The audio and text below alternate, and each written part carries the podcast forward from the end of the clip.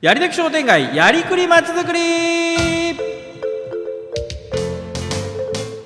さあ私のコーナーも今日はちょっと駆け足早めに行きましてスペシャルゲストのちょうど紹介いたしましょう、はい。さあショッピングあショッピングセンターじゃなかった商店街がえーいろんな収入を上げましょうということで、えー会費組合費を集める方法、それから、えー組合が運営して事業をする方法を2週にわたって、えーおお伝えしてまいりました。そしてもう一つまあこれをねあんまりこう大冗談に言うと、うん。商店街批判をされかねないんですけどえそうなんですか？ってことは助成斬新ってことだね。金、いやいやいやいや定番なんです。助成金なんです。ああそうですね。まあ、うん。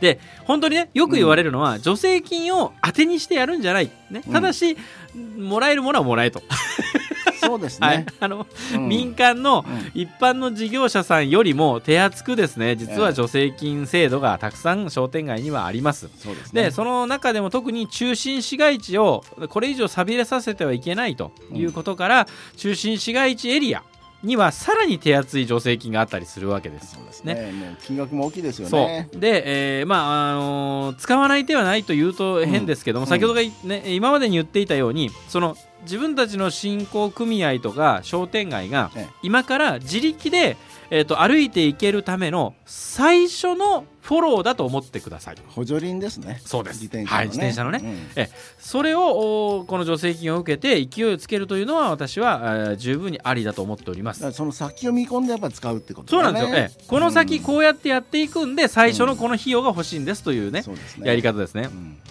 う。ん。でまあ山ほど実は用意されてるんですね。ただしですね、うん。まあまあいいや。後で言おう、えーとりあえずまず国ね、国が、えー用意しているもののジャンルだけ言っておきましょうか、はい。経済産業省。もちろんこれはあー傘下にあります。中小企業庁ですね、うん。はい。えーそれから国土交通省。国土交通省、はい。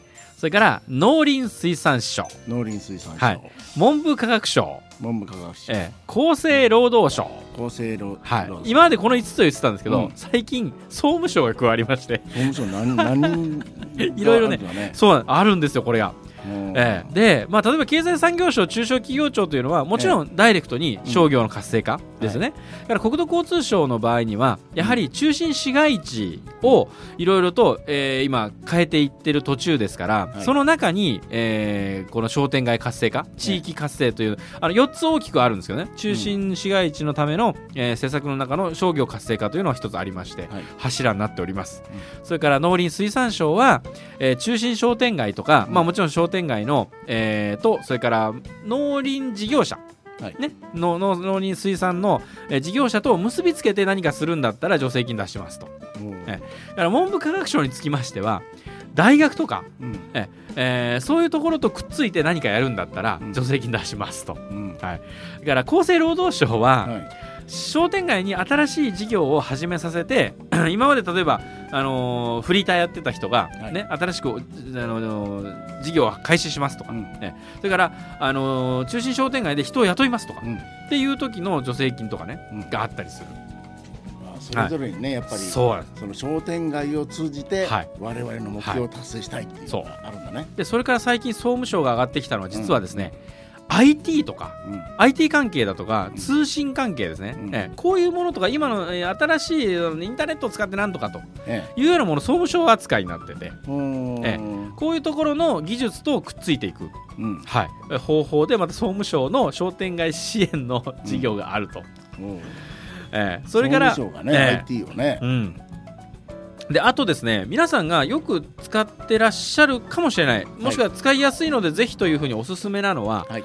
全国商店街振興組合連合会うん。というところがですね年間だいたい1事業につき100万円を10分の10の補助で 10分の10中たら全部中でということなんです、ね。ええ。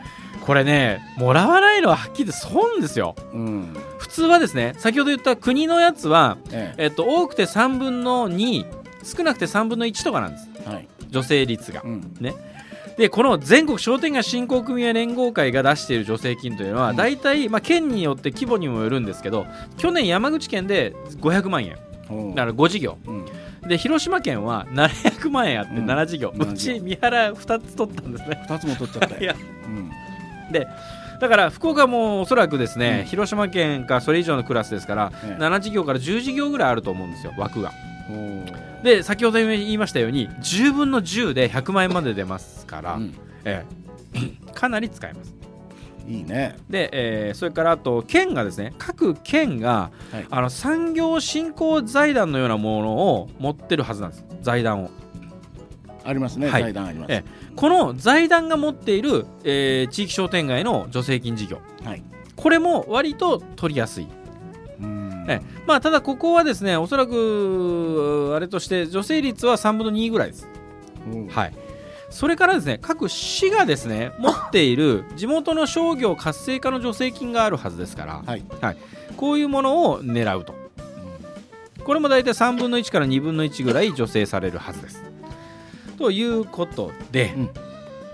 これだけをまあどれとどう使ってもいいんですね。規模にもよりますしそれから時期もあります、で内容も自分たちの商店街に合うもの。で唯一あの事務局さんがこれしっかりしていないとですね事務もしくはその事務方商店街の中で今頑張ってらっしゃる事務方の方に相当、えー資料作りとかうん。申請書類から終わったあ事業が終わった時のえっ、と何ですか、えー報告書の関係は相当面倒くさいんです。確かに。そうですよね。はい。で特に国のやつは絶対的に消費税計算をしなきゃいけないんで。うん必ずもう全部内税になってるものも、うん。全部本税と消費税分と計算をもう一回分けて、で細かくですね、あの事業ごとの、えー相見積もりとかね、なんとかっていう作業はあるんですけどうん。それでも先ほど言いましたように例えば全身連さんの、うん。ね、10分の10100万円ね使わない手はないわけですよ。そうですね、はい。これはやっぱね、えじゃあ普通に考えても、えうん、あのーいや使いますよ。でしょ？まあ極端に言えば100万円ねなんか事業するんだったらはいどうぞって出るわけですから。そう、うん、でもう一つ商店街の方自身が今この助成金を、うん。えーそれぞれ狙う方法もあるんですけど、うん。ほとんどの助成金にはですね商店街を応援する団体うん。のための助成金というのがあって大体その助成率は半分ぐらいに落ちますけどだから3分の2あるものだったら3分の1ぐらいなんですけど、商店街を応援する団体が取れる助成金もあるんです。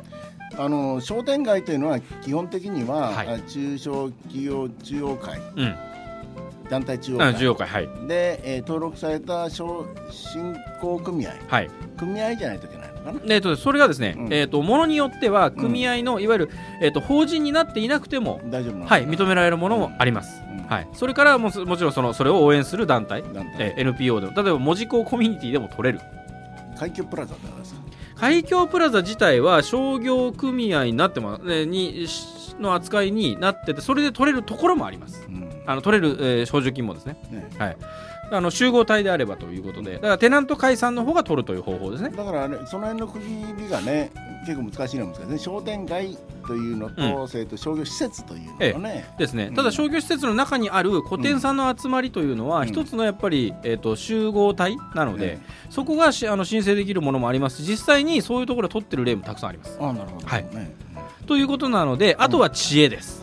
ね。知恵。はい、それとやっぱり、えー、と助成金を出す側というのは、いろんなあのアイディアが生かされているものうんうん。について非常に、えー好感触なわけですね。これはすごいね。出せば何でも通るというものじゃなくてやっぱここにアイデアがキラリと光ってるねと、うん。えいうことを考えてそれをおスタートさせると、はい。い。う方向で考えていけば、えーやれると思います。今日はですね、えーそういうことで各方面からの助成金は、まあ、有効に上手に使って、えースタートアップしてくださいと、ね、スタートダッシュを切るために使ってくださいというお話でした。えー、羊年の羊坂井県のやりどき商店街やりくりまちづくりでございました。